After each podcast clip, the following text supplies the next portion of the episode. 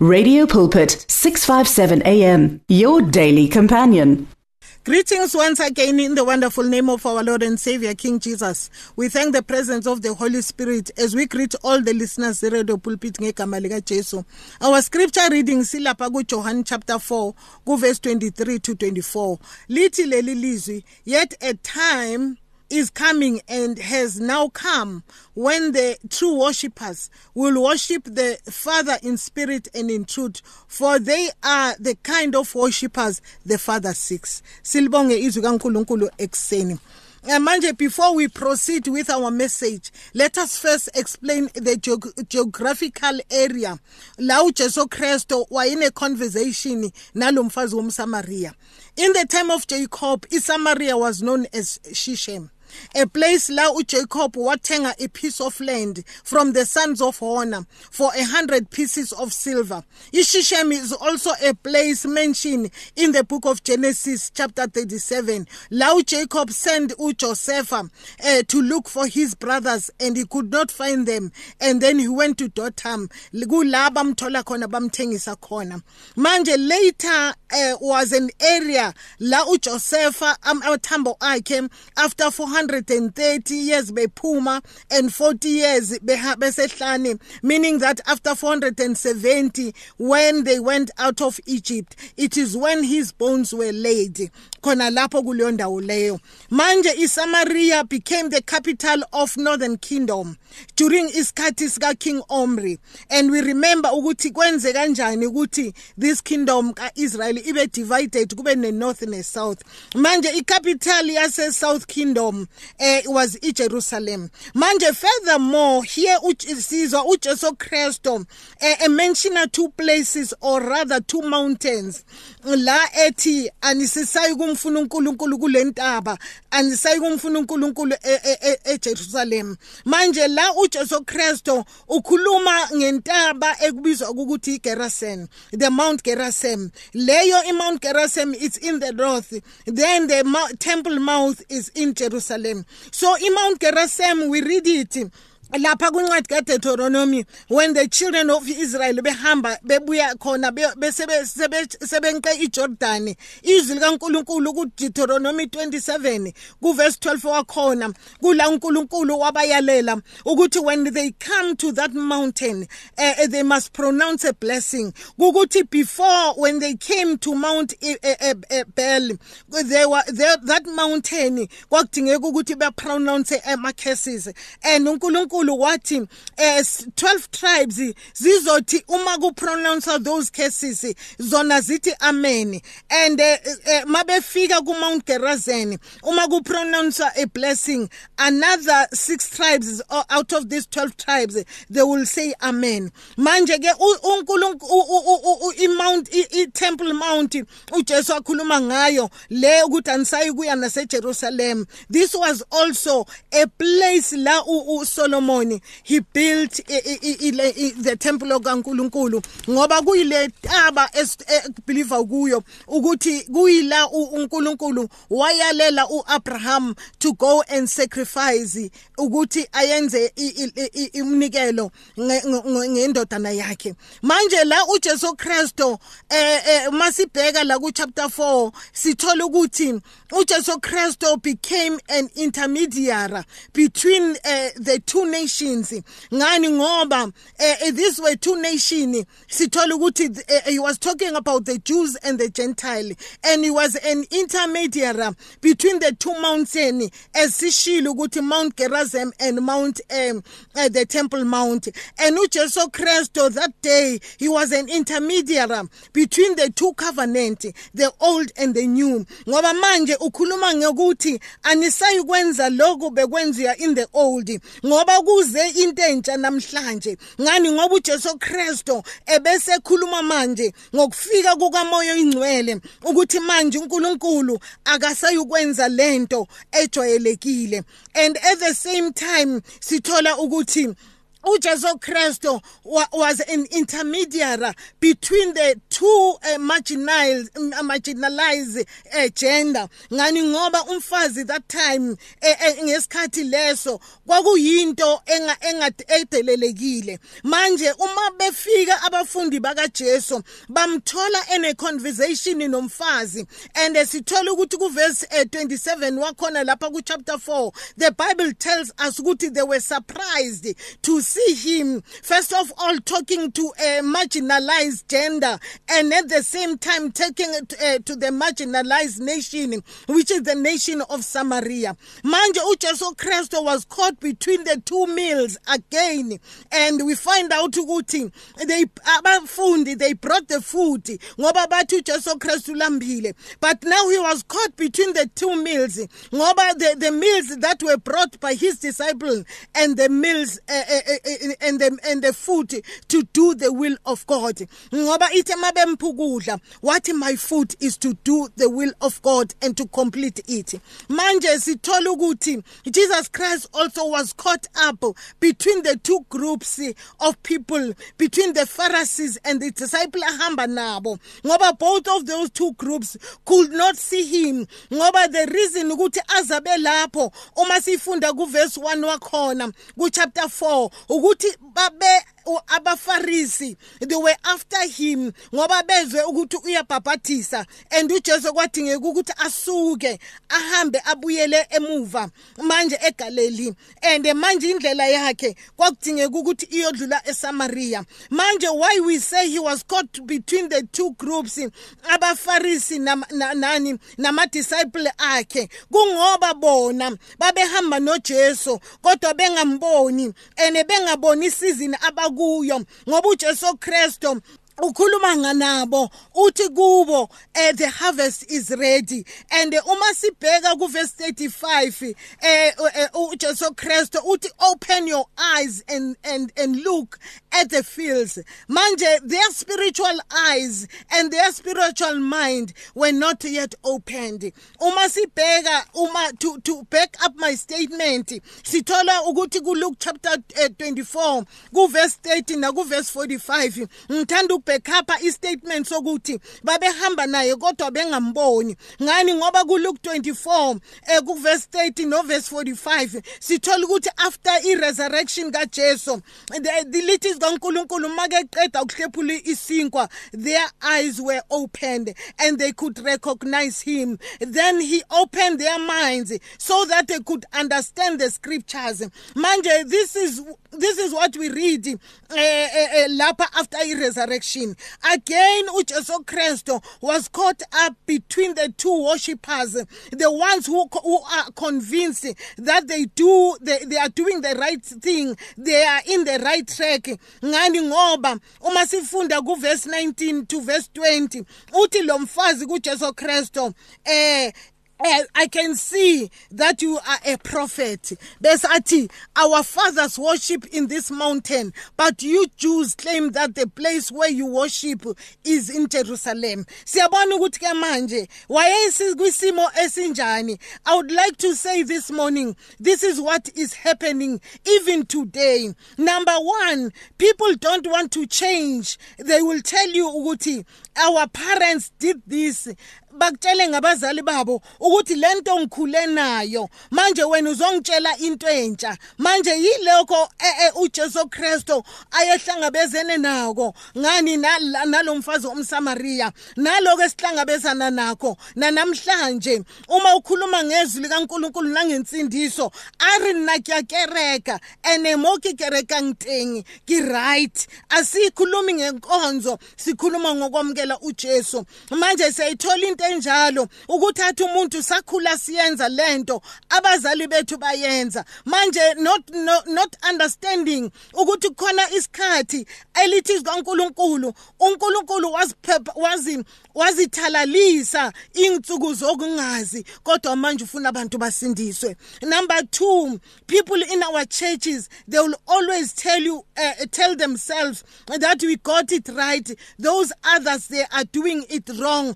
Kuyenzeka namhlanje. Yiko namhlanje sibona amabandla ekhonza uNkulunkulu oyedwa bekhonza uJesu oyedwa kodwa ama doctrine aba ahlukane. Amanje ngikhuluma ke manje uthola ukuthi phakathi kulaba ke manje abathi sisindisiwe eh uthola ukuthi namhlanje kukhona umehluko othile. Omnye uzibona ngathi yena uyenza ngcono kunomunye omnye athi wena mina ngiyakhuluma ngelimi athi omunye hayi ilimi zaphela ngalesa sikhathi. Izinto uJesu Kristo wayehlangabezana nazo esisahlangabezana nazo namhlanje then uJesu Kristo explained to her ukuthi manje Eh, eh, eh, the woman of Samaria. We are not talking uNkulunkulu is no more talking about the places anymore. uNkulunkulu is not interested uh, about the places.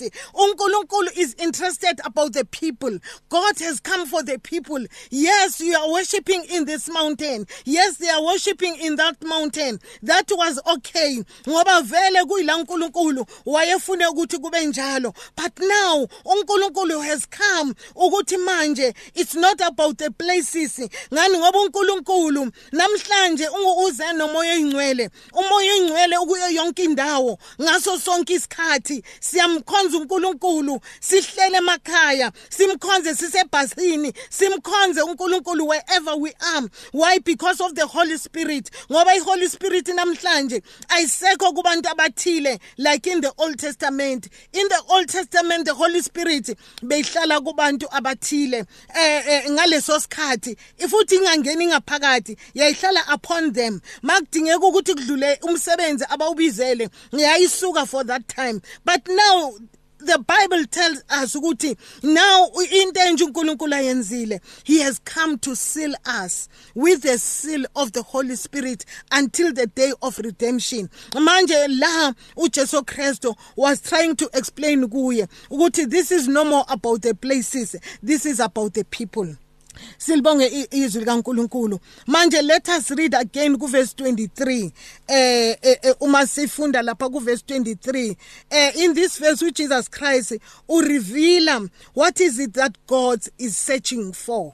Yes, people went to Jerusalem to worship God, although they were still doing what uNkulunkulu ayidemanda kuFaro, athi let my people go and worship me. And Moses wabanikeza umthetho in the mountain. But manje uNkulunkulu uze nokuthi namhlanje umthetho angeke usabhalwa ematsheni. Umthetho uzobhalwa inhlizweni zabantu. Ngani ngoba manje bowenzi bowubhaliwe ematsheni, but lithi izikaNkulunkulu kuIsaiah 29 kuverse 13 eh lapha lithi these people come near me with their mouth and honor me with their lips but their hearts are far from me. Their worship is made only of rules taught by men. Siyathola ukuthi aziyayibhaliwe ematsheni ibhaliwe kodwa lithi izikaNkuluNkulu uNkulunkulu wabona ukuthi laba bantu bayamkhonza eh ngani ngomlomo bayamkhonza ngendebe zabo but inhliziyo zabo zikude naye. Manje uNkulunkulu lethi into entsha ukuthi manje mina ngifuna ukuhlala phakathi enhlizweni zabantu ngomoya wami. Now God's concern was the heart not not the lip service. This is now the time to fulfill the scriptures esifunda ngayo lapha kwincwadi yamaHebheru ku chapter 16 uma kubhalwa incwadi yamaHebheru ku chapter 16 I mean ku chapter Hebrew chapter 10 uverse 16 wakhona. Lithi leli lizwi verse 16 This is the covenant I will make with them After that time, says the Lord, I will put my laws on their hearts and I will write them on their minds.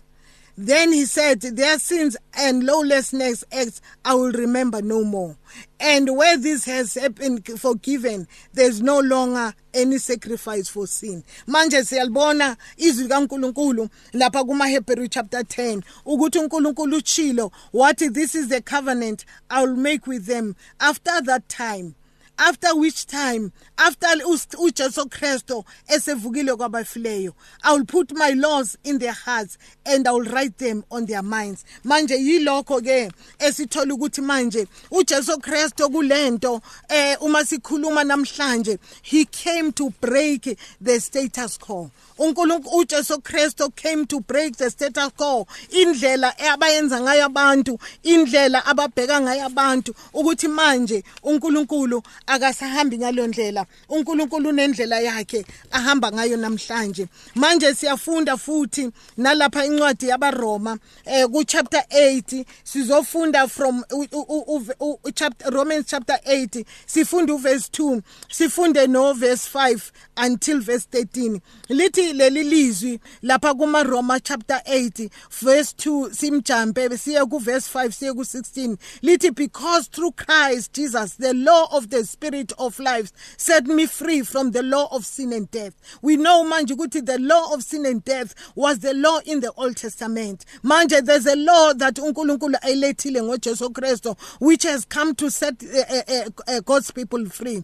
Manje bese from verse 5 those who live according to the sinful nature have their mind set on what that nature desires. But those who live in accordance with the spirit have their mind set on what the spirit desires. The mind of sinful matter is death but the mind controlled by the spirit is a life and peace. Manje sisabheke lapho makathi the mind uh, of sinful men uh, uh, uh, control controlled by by by its death controlled by the mind is death. Sithola ukuthi in the old covenant eh noma ngathi bowufuna ukwenza into eright uma umise ezinye izinto bekufanele ukuthi uphule wonke umthetho. I will make an example here ngento esiyaye sikhulume ngayo. Sibona abantu beletha kuJesu Kristo lo mfazi lo kuthiwa umfazi uphingile bamthole ephingile. Liqinile lithi izwi kaNkuluNkulu uJesu Kristo waguqa wabhala phansi wagoba wabhala phansi.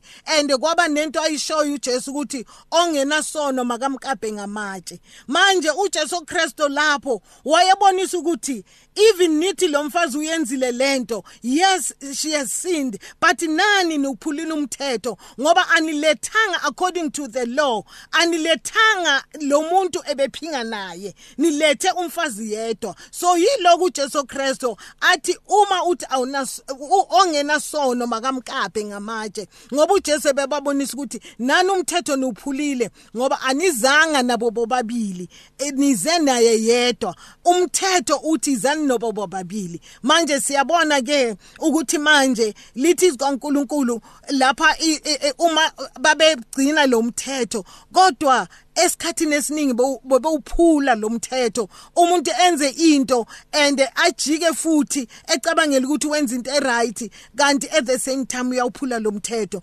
Umthetho wawubahlula abantu abantu ngaso sonke isikhathi kwakudingeka ukuthi bachithe igazi njalo kuchithwa igazi kuze kuthathwe nembuzi le kuka azazeli kukhulunywe nembuzi emayiqeda ithunyelwe le e, e, in the desert ekubelieve ukuthi imbuzi kaazazeli ekhulunywa iconfess izono zabantu. This they would do every time. Kodwa izono zabo zazingagezwa zaziyembozwa kuphela.